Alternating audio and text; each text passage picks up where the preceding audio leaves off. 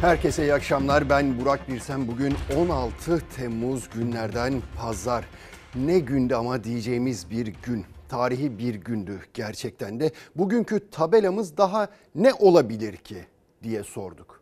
Neden böyle bir şey sorduk derseniz gerçekten daha ne olabilir ki Türkiye Cumhuriyeti tarihinin görüp görebileceği en büyük ÖTV zammıyla başladık güne akaryakıta 5 liralık bir ÖTV zammı geldi. Bugüne kadar görülmüş bir şey değil. Gerçekten de görülmüş bir şey değil. Emekliye %25 zam yapılırken 10 milyon emekli o %25 zamdan faydalanamazken az- asgari ücrete 3-5 kuruşluk zam yapılırken işte memur maaşlarına seyyanen zam yapılıp ama 15 günlük o zam cebe girmezken yani memur maaşından 4 bin lira kesinti yaparken iktidar bir gece yarısı bir baktık ki akaryakıtın ÖTV'sine tarihi bir zam yapılıvermiş. Ama bitmedi. Doğalgazın ÖTV'sine de yüzde 225'lik zam geldi. Şok oldum, inanın şok oldum 32 lirayı görünce. 5 lira zam gelmiş bir günde. ÖTV'ye 5 lira zam, KDV eklenince 6 lira oldu. 6 lira işte. Çok kötü. Vergi zam. Bunlar vergi zammı mı şimdi? Ya şok oldum ben 2 lira falan 1 lira bekliyordum ama çok yüksek oldu. Tek seferde tarihi zamla tarihi seviyesine çıktı akaryakıt fiyatları. Gece yarısı Cumhurbaşkanı kararıyla benzin ve motorinde ÖTV'ye 5 lira zam geldi. Özel tüketim vergisi benzinin litresinde 7 lira 52 kuruşa, motorinin litresinde ise 7 lira 5 kuruşa çıktı. Gece yarısı tabelalar ilk kez İstanbul'da da dahil 81 ilde 32 liranın üstüne çıkan yeni fiyatlarla değiştirildi. Geçmiş olsun. Özel tüketim vergisinde getirilen 5 liralık zammın üzerine bir de KDV eklenince akaryakıtın litresinde yapılan artış 6 lira oldu ve akaryakıt istasyonlarındaki tabelalardaki rakamlar ilk kez bu seviyelere ulaştı. İstanbul'da motorinin litresi 32 lira 37 kuruştan, benzinin litresi ise 34 lira 5 kuruştan satılıyor artık. Rezalet. Yani böyle bir zam şekli yok. 50 kuruşa 1 liraya insanlar belki ses çıkarmıyordu ama 6 lira çok ciddi bir rakam. ÖTV zammı sonrası başkentte tabelalardaki son durum işte bu. Motorin 32 lira 87 kuruş, benzin 34 lira 58 kuruş. LPG ise 14 liraya yaklaştı. Seçimden önce 17 lira aldığımız yakıt şu an 34 lira. Yani olacak şey değil. Günlük 400-500'e yakıt alıyordum.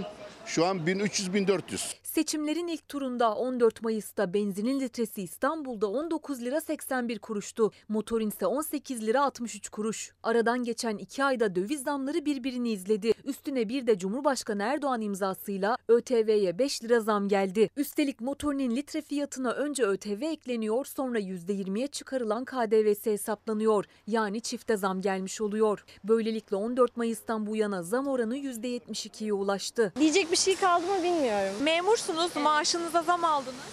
Aldık ama ortada yani verdikleri gibi aldıkları için şu an keşke zam yapmasalardı diyoruz. Depolar doldukça fiyatlar katlanmaya devam ediyor. Son gelen zamlarla birlikte şu anda bir araç deposunu dolduruyor. 100 litreyi biraz geçmiş durumda ve ödeyeceği tutar 3500 liraya yaklaşıyor. Depo tamamen doldu. 107 litrelik benzin aldı araç sürücüsü. Ödediği ücret ise 3650 lira. Aynı miktardaki yakıtı gece yarısından önce alsaydı 643 lira 2 kuruş daha az ödeyecekti tüketici. 55 litrelik ortalama bir benzinli otomobil deposuna ise tek gecede 330 lira zam geldi. 1542 liraya doluyordu, 2000 liraya yaklaştı. Eskiden fullleyin diyordum ama biz o günleri şey yapamıyoruz. 400 lira en fazla yakıt yaka- alabiliyoruz. Aslında meclisten geçen torba yasaya göre ÖTV'ye 6 ayda bir üretici enflasyonu kadar otomatik zam yapılmasına karar verilmişti. O da benzin ve motorine 30-40 kuruş zamma denk geliyordu. Ancak Cumhurbaşkanı yetkisini üst sınırdan kullandı. Sürücülerin özel tüketim olarak görmediği akaryakıttaki ÖTV tarihinde ilk kez 5 lira birden arttı. Hani Süleyman Soylu oh oh diyordu. Ben de şimdi oh oh diyorum. Başka bu hükümet ne yapabilir ki? Fakirin cebine elini sokmuş hortum gibi çekiyorlar. Ondan sonra saltana sürüyorlar. Doğalgazda da KDV oranının %20'ye çıkarılmasının ardından ÖTV'de %224 zamlandı. Yani doğalgazdan alınan özel tüketim vergisi 3 katına çıkarıldı. Doğalgaz çıkartıyorduk biz. Petrol de çıkartıyorduk. Ne oldu? Nereye gitmiş bunlar? Valla ben yıllardır AK Parti'ye oy atıyorum. Elim kırılsa bir daha atmam yani. Ya zamlara zaten alıştık da bu kadar olmaz yani. Bunların yaptığı bambaşka bir şey yani. Bu kadar para nereye gidiyor? Nereye gidiyor? Gittiği yerler var. Birazdan ona da değineceğim. Nereye gittiğini anlatacağım size. Şaşıracak mısınız bilmiyorum. Ben şaşırmadım açıkçası. Ama bir son dakika haberini paylaşayım sizlerle. İşte bu ÖTV, fahiş ÖTV artışı, tarihi ÖTV zammı ile ilgili Hazine ve Maliye Bakanlığı bir açıklama yaptı. İki maddeye dayandırıyor neden zam yaptıklarını, bu şekilde zam yaptıklarını. Birincisine deprem deprem nedeniyle bu zamlar oldu diyor. İkincisi şu vergilere 7 yıldır zam yapmıyorduk diyor Hazine ve Maliye Bakanlığı. Enflasyon karşısında bu vergiler eridi. O yüzden işte bu tarihi zamları yaptık diyor.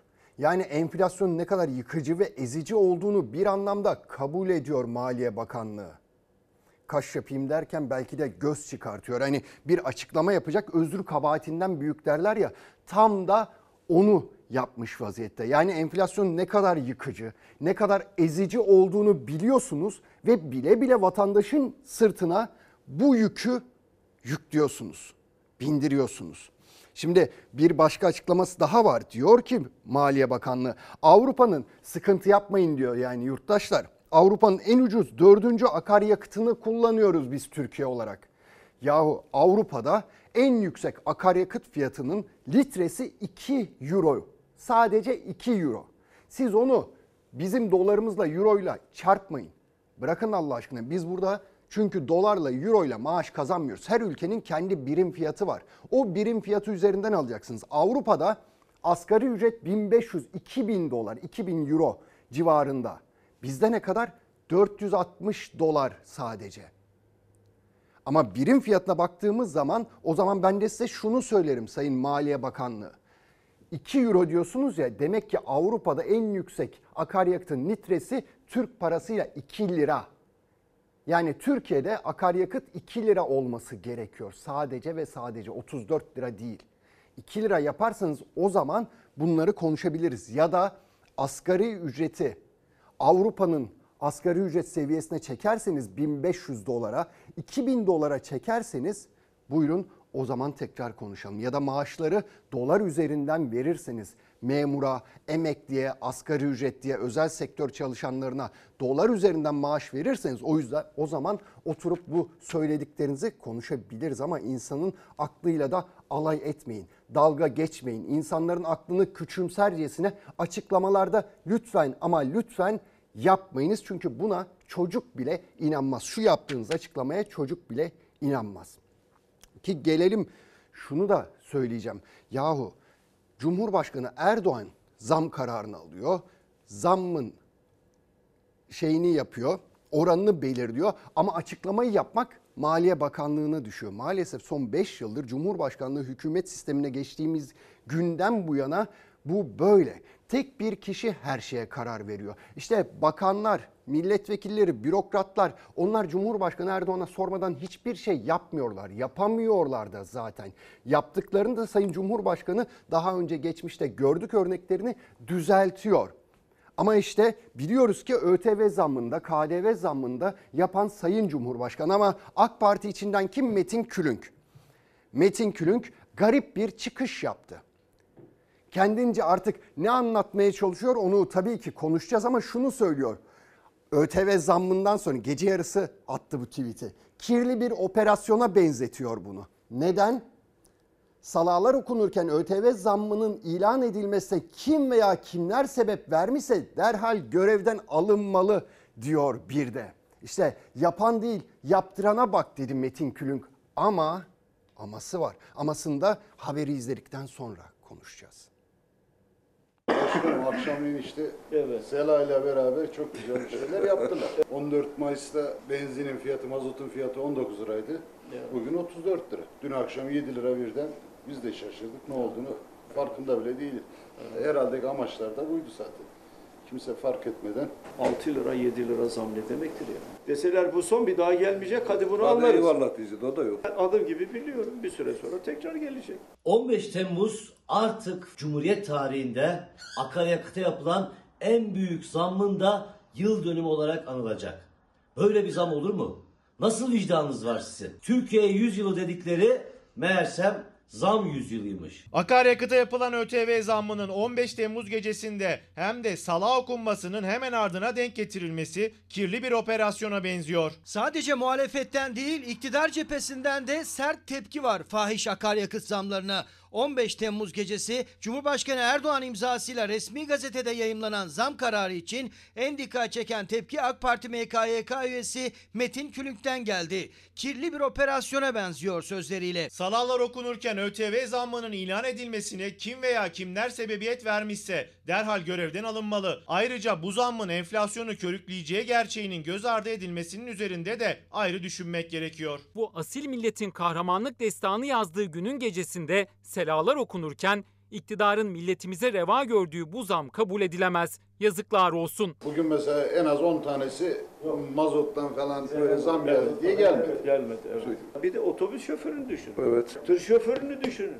Antalya'dan limon taşıyor, getirecek. Limon fiyatı artacak. Hakkımız varsa başkanım aramız zıkkım olsun. Yani hiç ben hakkımı helal etmiyorum. Akaryakıta ÖTV zammının sabahında Kılıçdaroğlu Ankara'da bir taksi durağını ziyaret ederek hem onları dinledi hem de ekonomideki sıkıntıya dikkat çekti. Akaryakıt fiyatlarına tavan yaptıran ÖTV zamlarına AK Parti cephesinden bir tepki de Metin Külünk gibi MKYK üyesi olan Mücahit Birinci'den geldi. Ağır faturanın zengine de fakire de eşit oranda kesilmesinin adil olmadığını söyledi. Eşitlik adaleti getirmez. Zenginle fakirden eşit olarak alınan hiçbir vergi adil değildir. Benzin litre fiyatı 34 liraya, motorinin litre fiyatı ise 33 lira 50 kuruşa dayandı. Akaryakıta yapılan bu fahiş zam domino etkisi yaratacak ve iğneden ipliğe her şey zamlanacak. 15 Temmuz darbe girişiminin yıl dönümünde akaryakıt ürünlerine yapılan dev ÖTV zammı iktidar muhalefet siyasetin dilinde. Evet, evet görüyorsunuz. Akmakta bile zorlanıyor. Neden biliyor musunuz? Bir bardak benzin olmuş 10 lira. Bu 10 lirayla teker nasıl dönecek? Bütçede açık var ne yapalım? Vergi alalım. Oranları çok yükselttiğinizde illa daha fazla vergi toplayacağınız anlamına gelmiyor. Deva Partisi Genel Başkanı Ali Babacan da Erdoğan hatalarının bedelini yine milletimize ödetiyor. Kronik enflasyon dönemini bitirmek yerine vatandaşın nefesini kesiyor diyerek akaryakıttaki ÖTV zammı için Cumhurbaşkanı'na yüklendi. İyi Parti lideri Akşener ise her vergi zammı ile eriyen maaş zamlarına dikkat çekti. Geçtiğimiz hafta yapılan zamlarla yeni maaşlar daha yatmadan erimişti. Dün gece itibariyle eski maaşları da yemeye başladılar. Peki iktidarın şatafatlı hayatında bir değişim var mı? Yok. Cefayı bal eylemek millete, sefasını sürmekse saray ve şürekasına. İktidarı uyarıyoruz. Bu insafsız vergi artışlarını derhal ama derhal geri çekin. Krizin faturasını vatandaşlarımıza değil, kamudaki harcamaları kısarak kendinize kesin. Akaryakıtta zam sağanağına karşı tepkiler de yağmur gibi. Valla Metin Külünk'ün açıklamaları çok enteresan. Belki kraldan çok kralcılık yapıyor onu da bilemiyoruz. Sonrasında ne çıkacak bu metnin altından onu da bilemiyoruz ama tabii düşünüyor insan ne çıkabilir diye. Şimdi Sayın Cumhurbaşkanı 5 yıldır her şeye sadece ve sadece kendisi karar veriyor. Orada netiz onu biliyoruz ama Sayın Külünk diyor ki işte algı şey kirli bir operasyona benzetiyor bunu. Kimler sebep sebebiyeti olmuşsa diyor derhal görevden alınmalıdır diyor. Acaba Metin Külünk bir algı mı yaratmak istiyor? Böyle bir niyeti var da bunu mu yaptı? Yani Cumhurbaşkanı yapmadı. Etrafındaki kötü insanlar yaptı. Bu zammı mı demek istiyor? Ya Sayın Külünk acaba Sayın Cumhurbaşkanı bu kadar tecrübesiz olabilir mi? Ya da Sayın Cumhurbaşkanı çocuk mu ki etrafındaki birkaç kişinin gazıyla böyle işler yapsın? Sayın Cumhurbaşkanı şu an devletin en başındaki, en tepesindeki isim. Devleti yöneten isim. Bu tür oyunlara sizce gelebilir mi? Açıkçası Sayın Külünk şu açıklamalarıyla Cumhurbaşkanını övüyor mu, yeriyor mu o bile belli değil. O bile belli değil. Ama şu notlara bir bakalım. İşte 14 Mayıs'ta sadece 3 aylık bir periyoda bakacağız. 14 Mayıs'ta seçimleri seçimler olurken benzin 19 lira 81 kuruştu. Motorin 18 lira 63 kuruştu. 16 Temmuz bugüne geldiğimizde benzin 34 lirayı geçti. Motorin 32 lirayı geçti. Ve şu çok çok önemli. Dünya gider, Mersin'e biz gideriz tersine diyorum ya hep.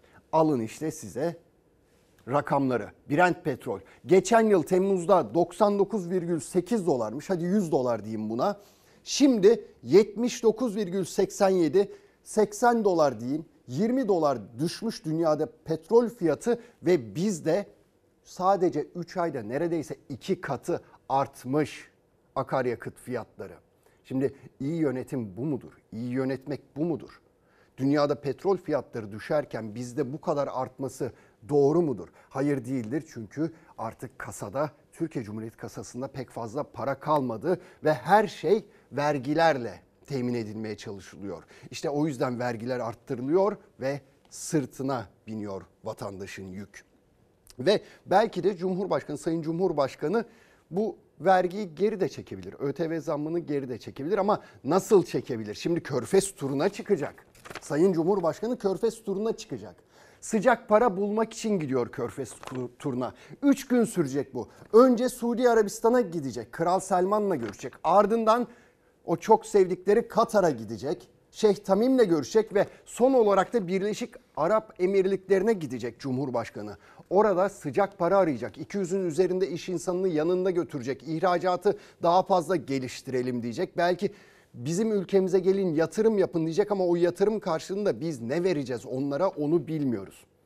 Sürpriz olacak bize. Kötü bir sürpriz olacak belki de işte şu turdan 3 günlük seyahatten para bulunursa belki ÖTV zammı da geri çekilebilir. Neden olmasın? Ama eğer çekilmezse, eğer ÖTV zammı geri çekilmezse şunu net olarak biliyoruz. O da nedir? O da nedir? Önümüzdeki günler zor geçecek. İğneden ipliğe her şeye zam gelecek.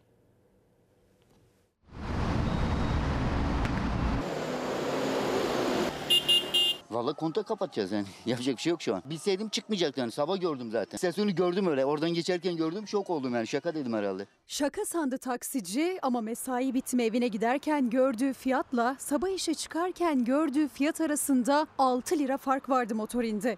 Ekmek teknelerinin yakıtının bir gecede 32 lirayı aşması ulaşım esnafını, nakliyecileri, traktörle iş yapan çiftçiyi ve kuryeleri çıkmaza soktu. Gelir gider hesabı şaştı. Maliyete gelen zam ulaşıma ve hizmete de zam olarak kapıda. 100 litre olarak düşünürsek 2600 lira doldurursak şimdi 3200 lira dolduracağız. 600 lira daha 600 fazla. lira daha fazla geldi. Peki bu 600 liralık zararı kapatmak için ne olacak? İlla ki ürünlere 1 lira 2 lira yansıyacak. Iğdır'dan İstanbul'a bal gibi Maliyeti kayısı. çok yüksek. Oradan gelen büyük frigolu arabalar hepsi pahalı. Bedava bile olsa gelişi kaç para yani düşün yani bedava olsa yani. Sadece nakliye 10 parasıyla.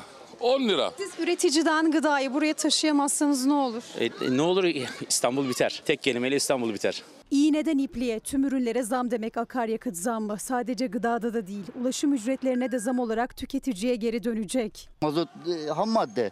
Mazota gelince her şey geliyor. Evet gelecek. Ulaşıma da zam gelecek. O da kapıda. Sancısız doğum olmaz. Durum sıkıntı ya. Günlük 300 gibi, 350 lira gibi fark edecek mazot. Şu an ne kadar indi bin? 7,5, 7,50.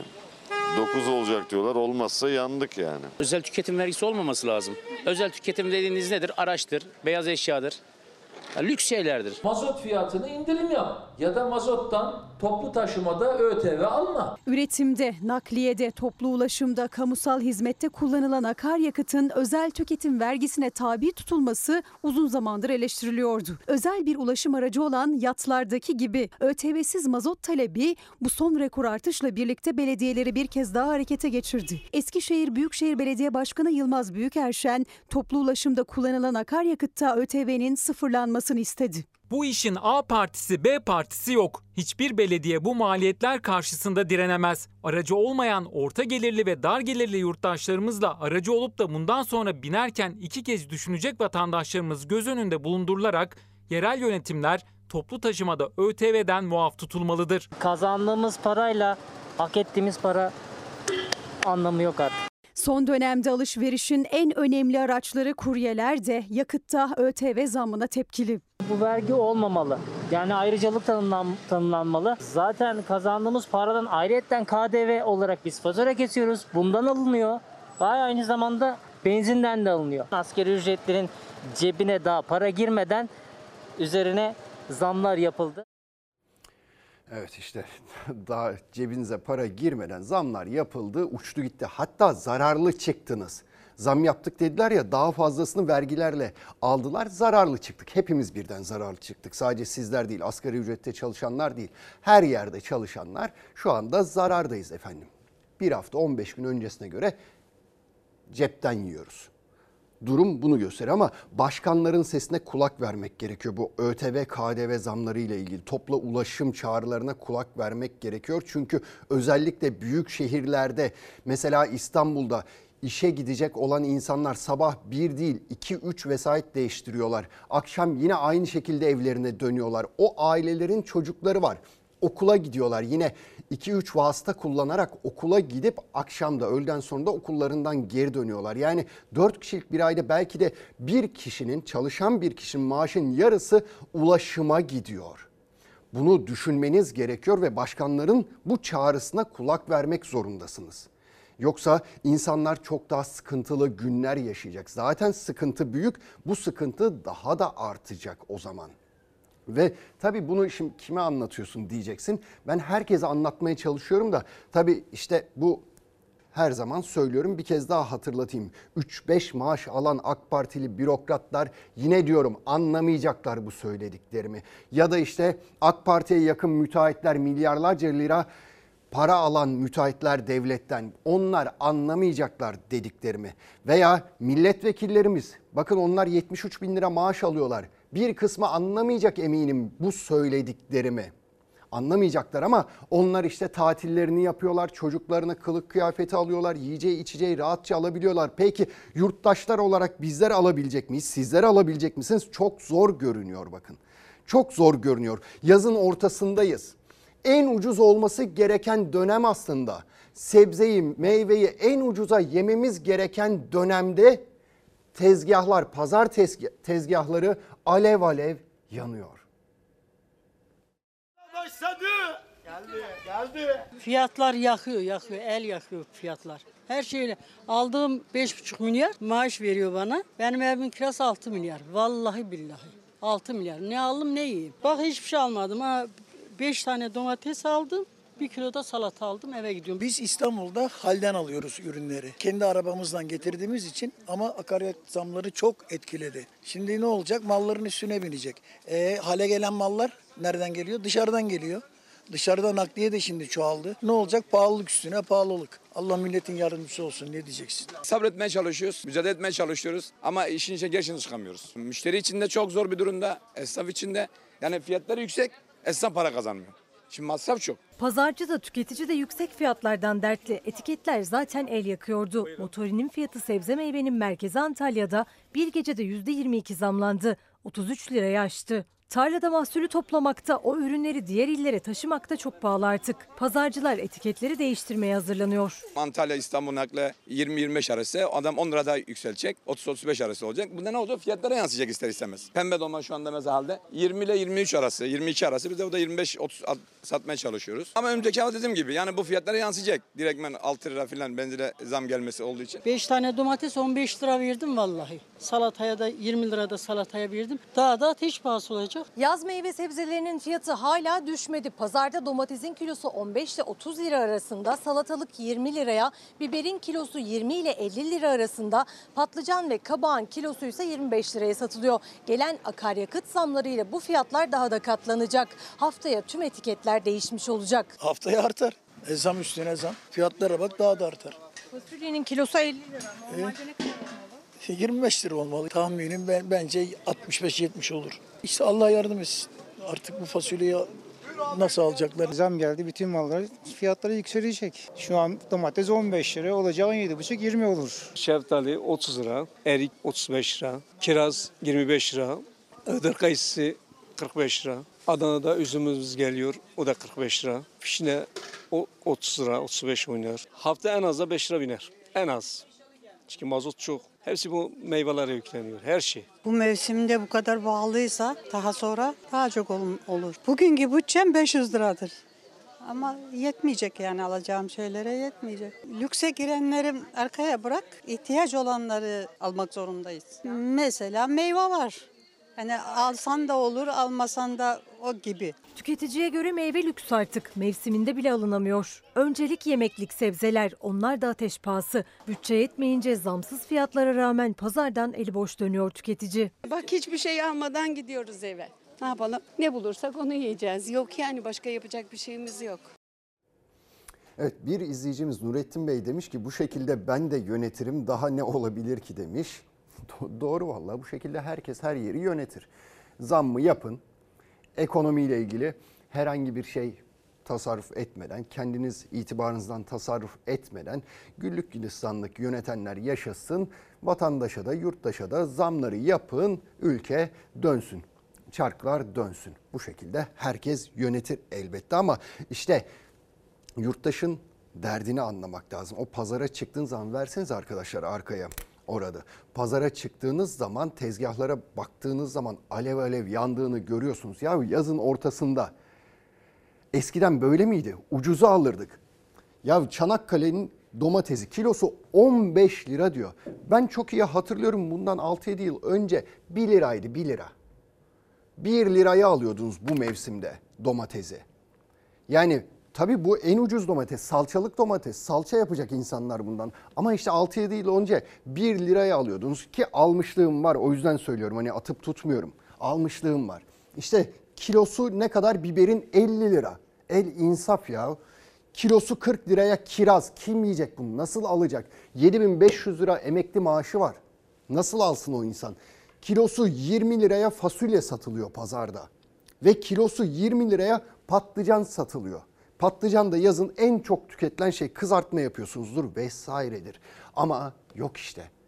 Alım gücü o kadar düştü ki çok fazla düştü. Ha siz mutfağınızı bu şekilde dolduramıyorsunuz. Mutfak alışverişi yaparken düşünüyorsunuz ama bakın bunu düşünmeyenler de var. Yönetenler düşünmüyor. Cumhurbaşkanlığının bütçesini söyleyeyim ben size? 2023'te 6,3 milyar liraya yükseldi Cumhurbaşkanlığının bütçesi. Ve bölüp çarptığınızda günlük 18 milyon lira harcanıyor demektir. Cumhurbaşkanlığı sarayı için bir günde 18 milyon lira para harcanıyor. 18 milyon liraya bir günde kaç milyon kişinin karnı doyar bu ülkede? Ama kesinlikle biz itibardan tasarruf etmeyiz değil mi? Ve Sayın Cumhurbaşkanı yine itibardan tasarruf etmeyerek koruma ordusuyla dolaşıyor. Her yere koruma ordusuyla gidiyor. Büyük bir orduyla gidiyor. Ve bakın Mayıs ayı bütçeye baktığımızda Mayıs ayına dair günlük maliyeti onun da 13 milyon lira. O koruma ordusunun Cumhurbaşkanı'nın etrafında gezen koruma ordusunun maliyeti de 13 milyon lira olmuş Mayıs ayında. Şimdi dün 15 Temmuz'du. Fethullahçı terör örgütünün darbe girişiminin 7. yılıydı. 7. yılını geride bıraktık. Sayın Cumhurbaşkanı da dün İstanbul'da konuştu. Unutmayacağız, unutturmayacağız dedi.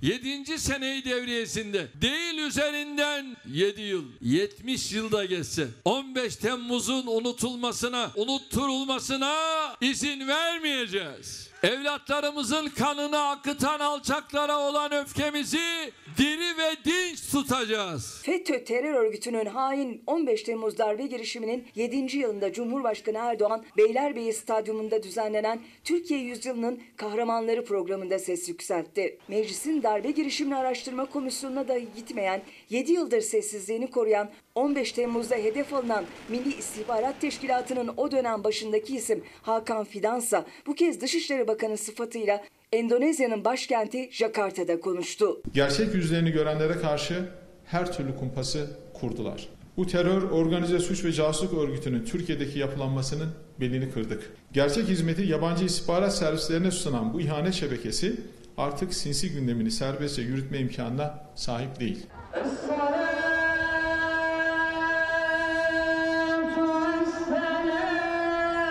15 15 Temmuz'un 7. yıl dönümünde tüm Türkiye'de camilerden gece 00.13'te selalar okundu. Milli Birlik ve Demokrasi yürüyüşleri yapıldı. Galata Kulesi'nde 251 şehidin anısı fotoğraflarıyla canlandırıldı.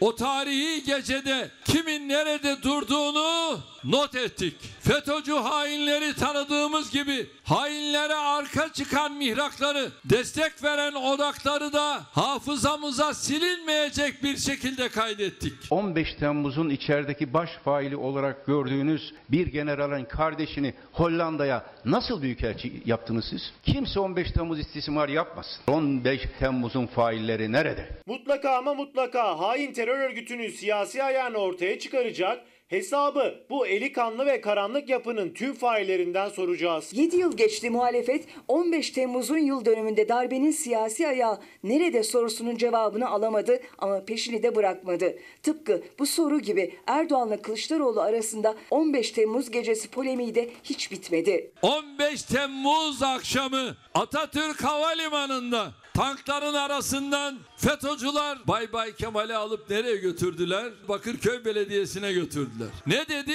Erdoğan'ın geleceğinden haberim olsaydı ben de beklerdim. Ben de senin öyle gideceğini bilseydim uçağımızı biraz daha geç indirmez erken indirir seninle orada buluşurdum. Bir de sıkılmadan diyor ki ey Kılıçdaroğlu sen o havaalanından nasıl gittin diye.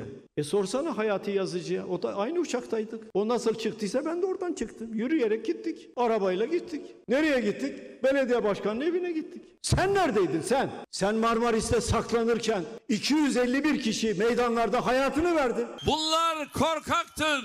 Bunlar pısırıktır. Bunlardan bir şey olmaz. Aynı menzile yürüyen demokrasi karşıtı yapıların çıkar çatışmasının ülkemizi 15 Temmuz karanlığına sürüklediğini ve 20 Temmuz'da ilan edilen o hal yoluyla Türkiye'yi bir diktatörlük rejimine dönüştürdüğünü asla unutmayacağız. FETÖ terör örgütünün hain darbe girişiminin 7. yıl dönümünde de 15 Temmuz siyaseti soru işaretleriyle, karşılıklı meydan okumalarla, bitmeyen polemiklerle konuşturmaya devam etti. 15 Temmuz'un sembol isimlerinden biri de Ömer Halis Demir'di. Allah rahmet eylesin diyelim. Onunla birlikte 251 kişi daha şehit oldu. Hepsine Allah'tan rahmet diliyoruz bir kez daha. İşte Ömer Halis Demir darbe girişiminin seyrini değiştirdi. Komutanı Zekai Aksakallı ile beraberdi o gece. Ve aralarında şu diyalog geçti. Zekai Aksakallı Ömer bunun sonunda şehadet olduğunu biliyorsun değil mi diye sordu. Halis Demir şöyle dedi. Feda olsun. Ömer dedim bunun sonunda şehadet olduğunu biliyorsun. Komutanım feda olsun dedi vatanına. Hakkını helal et dedim. Komutanım helal olsun. Siz de helal edin dedi. Bundan sonra işte görevini yerine getirdi. Ağlayarak anlattı Özel Kuvvetler Eski Komutanı Zekai Aksakallı. Kahraman Ömer Halis Demir'e verdiği tarihi emri ve vedasını birkaç dakikaya sığan ama 15 Temmuz'un seyrini değiştiren o telefon konuşmasını. Semih Terzi'nin hain ve alçak olduğunu, ülkeyi felakete sürüklediklerini, onun mutlaka öldürülmesini ifade ettim. 15 Temmuz gecesinin en kritik adresiydi Özel Kuvvetler Komutanlığı. Darbeci Semih Terzi beraberindeki askerlerle Özel Kuvvetler Komutanlığı karargahını ele geçirmek için gelmişti. Durumdan haberdar olan dönemin Özel Kuvvetler Komutanı Aksakallı en güvendiği ismi baba oğul gibiydik dediği koruma asubayı Halis Demir'i aradı. Semih Terzi'nin gelişini öğrendikten sonra Ömer'i aradım. Durumu kısaca söyledim. Keşif yap, durum nedir bana ilet. Ömer dedim artık ülkemiz için ölüm kalım meselesi.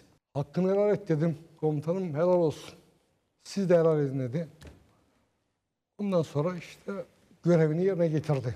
20 yıl birlikte terörle mücadele eden, canlarını birbirine emanet eden iki isim. Darbe gecesi Aksakallı en zor görevi ve son emri verdi Halis Demir'e. O da özel kuvvetleri kurtarmak için gözünü kırpmadan emri yerine getirdi. Halis Demir emri tereddütsüz yerine getirdi. Semih Terzi vurup darbe girişiminin kaderini değiştirirken darbeci askerlerin kurşunlarıyla şehit düştü. Şehit haberini birlikte bizim yanımızda olan subaydan aldım. Ömer'in naaşına yöneldim. Tabii tarif edilmez duygular. Duamızı okuduk. Alnından öptüm. Tekrar helallik istedim. Halis Demir şehit olduğunda cebinde Aksakallının askerlerine verdiği 8 maddelik emirler vardı. Son maddede yazan durum ve şartlar ne olursa olsun esarete düşmek, teslim olmak asla düşünülemez. Şehadet esastır. Emrini hiç düşünmeden yerine getirmişti Ömer Halis Demir. Allah'tan bir kez daha rahmet dileyelim bütün şehitlerimize. Evet Ömer Halis Demir de Zekai Aksakallı da aslında darbenin seyrini değiştiren iki önemli isimdi. Ve Zekai Aksakallı komutana gelecek olursa kendisi 15 Temmuz darbe girişiminden önce üstlerini uyarmıştı. Defalarca uyarmıştı. FETÖ terör örgütünün mensupları mensuplarının orduya sızdığına dair tespitleri vardı. Uyarılarda bulunmuştu ama dikkate alınmamıştı. Ve Zekai Aksakallı Paşa bir kez daha uyarıda bulundu. Bu kez umarız ciddiye alınır çünkü şöyle söyledi. Fethullahçı hain darbe örgütü faaliyetlerine devam ediyor dedi. Bu örgütün mensupları, mankurtlar beklemedik yer ve zamanda yine ülkeyi kaosa sürüklemek için çeşitli eylemlere girişebileceklerini değerlendiriyorum. Yeni bir darbe tehlikesi var mı Türkiye'de? Böyle bir şey yok. Fakat olabilir mi? Olabilir. Dolayısıyla hiçbir zaman ihtiyat elden bırakmamak lazım. Son birkaç aydır gözlemlendiğim, emirlerini aldığım çok kritik olaylara tanık oldum. İşaretlerini aldığı yeni kritik olaylar ne? Bu sözler havada kaldı ama son günlerde açıklamalarıyla gündeme gelen eski Özel Kuvvetler Komutanı Emekli Korgeneral Zekai Aksakallı FETÖ'nün faaliyetlerine devam ettiğini söyledi. Eski Genelkurmay Başkanı AK Parti Kayseri Milletvekili Hulusi Akar da yeni bir darbe girişimi olabilir mi sorusuna tedbirli olmak lazım diye yanıt verdi. 3 yıl sonra neden konuşmaya karar verdim? Fethullahçı hain darbe örgütü faaliyetlerine devam ettiğini görüyoruz. Bizim her an her şeyi efendim, sorumlu arkadaşlarımızın kontrol etmesi lazım. Hiçbir zaman rehavete kapılmaması lazım. Su uyur, düşman uyumaz. Her an herhangi bir şekilde bir sıkıntı olabilir. 2014'te mahiyetimdeki 3 Tugay komutanının FETÖ mensubu olduğu kanaatine vardık. Bunlardan biri Semih Terzi'ydi. Dönemin Genelkurmay Başkanı'na durumu arz ettik. 2015 Ağustos Şurası sonucunda 3 FETÖ mensubu Tugay komutanından ikisi değişti. Terzi değiştirilmedi. Sonra çok uğraş verdik ama göndermeyi başaramadık. Darbeci Semih Terzi'nin 15 Temmuz öncesi FETÖ'cü olduğunu anladık ama göndermeyi başaramadık diyen Zekai Aksakallı isim vermemiş ama her cümlesinde dönemin Genelkurmay Başkanı Hulusi Akar'ı işaret etmişti. Akar'dan yanıt geldi. 2015-2016 yılları arasında Semih Terzi'nin buradaki görevinden alınması için iki defa teklifte bulundum. Ancak görevden alınmadı. Biz orada görevimiz sırasında efendim arkadaşlarımızla beraber işlem yapmadığımız hiçbir duyum yok. 15 Temmuz hain darbe girişiminde muhatap olmasa idik gerçekten biz yani, Yüksek Askeri Şura marifetiyle birçok e, konuyu efendim, temize çıkaracaktık. Ordunuzu adalet ve liyakat temelinde kurumsallaştıramadığınız zaman maalesef bu tür hareketlerle karşı karşıya kalıyorsunuz. Emir subayız, bağırıyoruz, çağırıyoruz filan içeri girip işte elinde bir silah asarım, keserim, vururum, sıkarım filan. Ve biz de tabii büyük bir hiddetle sıkılan şerefsiz diye var var bağırdık. Herkes duydu gördü bunu. Darbeci Semih Terzi üzerinden karşı karşıya gelen iki eski komutan 15 Temmuz'un 7. yıl dönümünde farklı ekranlarda darbe girişimi gecesi yaşadıklarını ilk kez ilk ağızdan ayrı ayrı anlattılar. Zekai Aksakallı düğün çıkışı darbecilerle yaşadığı kovalamacayı Akar Genelkurmay Karargahı'ndaki sıcak dakikaları. Ne oluyor lan dedim. Dediler komutanım sizi e, direnmeyin sizi götüreceğiz buyurun dedi. Lan nereye götüreceksiniz? Durun dedim şerefsizler. Ee, geliyorum dedim. Ben öndekine bir tekme vurdum. İkisi ya arka arkaydı. Sernelediler. Kapı çalındı. Mehmet Dişli komutan dedi işte şöyle oldu böyle oldu işte uçaklar geliyor şunlar geliyor bunlar geliyor. Efendim başımıza geçer misiniz? Bir şiddetle e, mukabele ettik. Ağzımıza gelen her şeyi söyledik. Neden çıktı dedik ya? Böyle şey olur mu? Siz hangi devirde yaşıyorsunuz dedik. Kendinize gelin. Siz kimsiniz? İki farklı adreste iki farklı komutan o geceyi anlatırken akıllardaysa emekli Korgeneral Zekai Aksakallı'nın FETÖ'nün faaliyetlerine devam ettiği yönündeki açıklamaları kaldı. Şimdi İstanbul'a gideceğiz. Ehliyetsiz sürücü bir polisi şehit etti.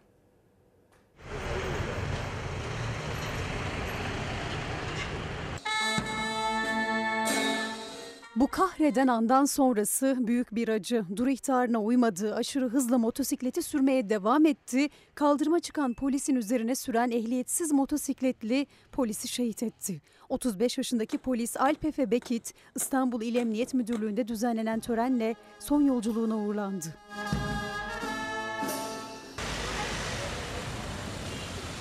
Akşam saatlerinde İstanbul Kağıthane'de polisler asayiş denetimindeydi. İlçenin ana caddesi üzerinde polisin kontrol noktasına rağmen aşırı hızla gelen 21 yaşındaki motosiklet sürücüsü dur ihtarına uymadı. Hızını da düşürmedi. 8 yıllık polis memuru Alp Efe Bekit önce silahına sarıldı. Kaçmak için kendini kaldırıma atmak istedi ama motosiklet hızla ona çarptı. Çarpmanın şiddetiyle ağır yaralanan Bekit kaldırıldığı hastanede tüm müdahalelere rağmen kurtarılamadı, şehit düştü. Vatana hizmet için çarpan bu yürekler var oldukça tüm kanunsuzluklarla mücadelemiz devam edecektir. Bekit için İstanbul İl Emniyet Müdürlüğü'nde cenaze töreni düzenlendi. Şehit polisin emekli özel harekat polisi olan babası Ali Nazif Bekit'le annesi Hülya Bekit ve eşi Ezgi Bekit güçlükle ayakta durdu. Şehidin cenazesi defnedilmek üzere memleketi Ankara'ya gönderildi. Başkentte son yolculuğa uğurlandı. Gözaltına alınan motosiklet sürücüsü 21 yaşındaki Osman Boyraz'la tutuklanarak cezaevine gönderildi. Ehliyetsiz olduğu, kullandığı motosikletin de daha önce trafikten men edildiği ve haciz yakalamalı olduğu belirlendi. Bir baba trafik magandaları yüzünden hayatını kaybetti ve şimdi oğlu ölen babası için adalet arıyor.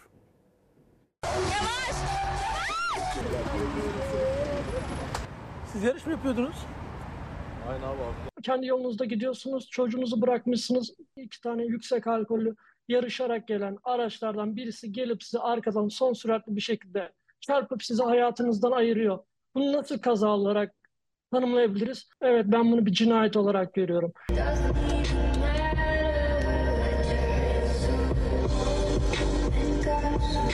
Yarış yapan, makas atarak yolda ilerleyen, alkollü direksiyon başına geçen 20 yaşındaki Doğukan T, 58 yaşındaki Zeki Aktaş'ı canından etti. Oğlunu havalimanına bırakan Aktaş, dönüş yolunda yarışan araçlardan birinin çarpması sonucu yaşamını yitirdi. Almanya'da hukuk alanında yüksek lisans yapan, babası için sesini duyurmaya çalışan Sefa Aktaş adalet istiyor. Babam zaten gitti. Geri gelmesi mümkün değil ama en azından adalet arıyorum. Taksirden e, yargılanacak olursa çok kısa bir içerisinde tekrar toplumumuza ait olacak. Kim böyle bir canavarlarla aynı toplumda yaşamak ister? İstanbul Pendik'te 9 Temmuz'da yaşandı kaza. Zeki Aktaş eşiyle birlikte oğlunu havalimanına bıraktı. Eve dönmek üzere yola çıktı. O sırada 20 yaşlarındaki iki sürücü alkollü direksiyon başına geçen Doğukan T ve arkadaşı Mehmet Y aynı otoyolda yarış halindeydi. Otomobillerden biri son sürat arkadan Zeki Aktaş'ın aracına çarptı. 58 yaşındaki adam hayatını kaybetti, eşi yaralandı. Cinayet gibi kazanın ardından o sürücüler gözaltına alındı. Doğukan T'nin alkollü olduğu ortaya çıktı. Sosyal medya hesabındaki paylaşımları ise kazanın göz göre göre geldiğinin kanıtı gibiydi. O videoları çektiği sürece belli ki aracını durduran olmadı. Doğukan T ve arkadaşı Aktaş'ın ölümünün ardından tutuklandı. Hukuk mezunu 25 yaşındaki Sefa Aktaş, çoğu ölümlü kazada olduğu gibi az ceza almasınlar, olası kas suçundan yargılansınlar ve babası için adalet yerini bulsun istiyor. Bize hukuk fakültesinde öğrettikleri ilk şey hakimler, savcılar vicdanıyla hareket eder. 19 yaşında bir genç kız mide küçültme ameliyatına girdi ve maalesef can verdi. Bir güler misin? Ameliyattan sonra bize dediler ki yarım saat sonra kızınız odaya odanızda görürsünüz. Ve bir buçuk saat oldu hala kızım gelmedi. Abla ben gidiyorum çok güzel hocam zayıflayacağım. Sen de zayıflarsın seni de ameliyat ettirelim abla dedi. Resmen yani kızımı orada öldürdüler. Hastanenin ve doktorun büyük bir ihmali var. Henüz 19 yaşındaydı. Mide küçültme ameliyatı için girdiği hastaneden cansız bedeni çıkarıldı. Rojin Elveren'in ailesi ihmal iddiasıyla şikayetçi oldu. Kız kardeşim dedi ki bakın ben küçükken kalp hastasıydım dedi. Ya bir sorun olur mu? Yok hiçbir sorun olmaz. Sonra biz öğreniyoruz ki otopside benim kardeşimin Kalp ritimleri bozukmuş. Benim aileme diyorlar ki başınız sağ olsun. Ya suçu hatası olmayan bir doktor, bir insan kaçar gider mi? İstanbul'da kasiyerlik yapan 19 yaşındaki Rojin Elveren, kağıthanede özel bir klinikle mide küçültme ameliyatı için anlaştı. Doktor E ve ameliyatı Bağcılar'daki bir özel hastanede yapacağını söyledi. Elveren ameliyata alındı. Operasyon beklenenden uzun sürdü. İkinci saati içerisinde odaya 3-4 tane doktor gelerek bize aynı şu cümleyi kurdular. Hastamızı entübeye aldık. Kanama olduğu için dedi kalbi iki kere durdu. Polise diyor ki abi dedi arter damarı patlatmışlar bunun kızı dedi. Doktorun büyük bir hatası vardı. Benim kız kardeşimin kıyafetlerini çöp poşetine koydular. Verdiler bize bizi gönderdiler. Çöp gibi attılar 38 milyar aldı. Ben adalet istiyorum kardeşim için. İddiaya göre genç kızın aort damarı patlamıştı. Acılı aile doktordan şikayetçi oldu. Rojin Elveren'in ölümüne ilişkin soruşturma başlatılırken bir ihmal haberi de başkentten geldi. Hastanın karnında makas unutuldu. 8 ay sonra röntgenle fark edildi. Ameliyat oldum ben yani iyileşme beklerken ben iyileşemedim bir türlü. Röntgen çeken teyze dedi sende makas mı var dedi bana. Oğlum ne makası bende makas falan yok dedim. Sende makas var dedi. Ankara Pursaklar'da özel bir hastanede ameliyat oldu Şadiye Boyun. Ağrıları hiç dinmedi. Karnındaki makasla 8 ay yaşadığı ortaya çıktı. O korkunç hata yüzünden iki kez ameliyat oldu. Makas alındı. O da doktor ve hastane hakkında suç duyurusunda bulundu. Sosyal medyadan ameliyatı yapan doktora ulaştım. 8 ay önce yaptığınız ameliyat dedim. Üzgünüm olmuş bir şey. Biz sadece ameliyatı yaparız. Hemşireler sayar biz imza atarız şöyle böyle diye. Davamızı açtık. Adalete inanıyoruz. Reklam zamanı. Ana haber bültenini burada noktalıyoruz. Bizden hemen sonra yeni bölümüyle yaz şarkısı var. Yarın akşam Gülbin Tosun sizlerde olacak. Güzel bir hafta geçirmenizi diliyorum. Umarım yeniden buluşuncaya dek yüzünüzü güldüren güzel haberler alırsınız. Hoşçakalın. bir başkadır benim memleketim.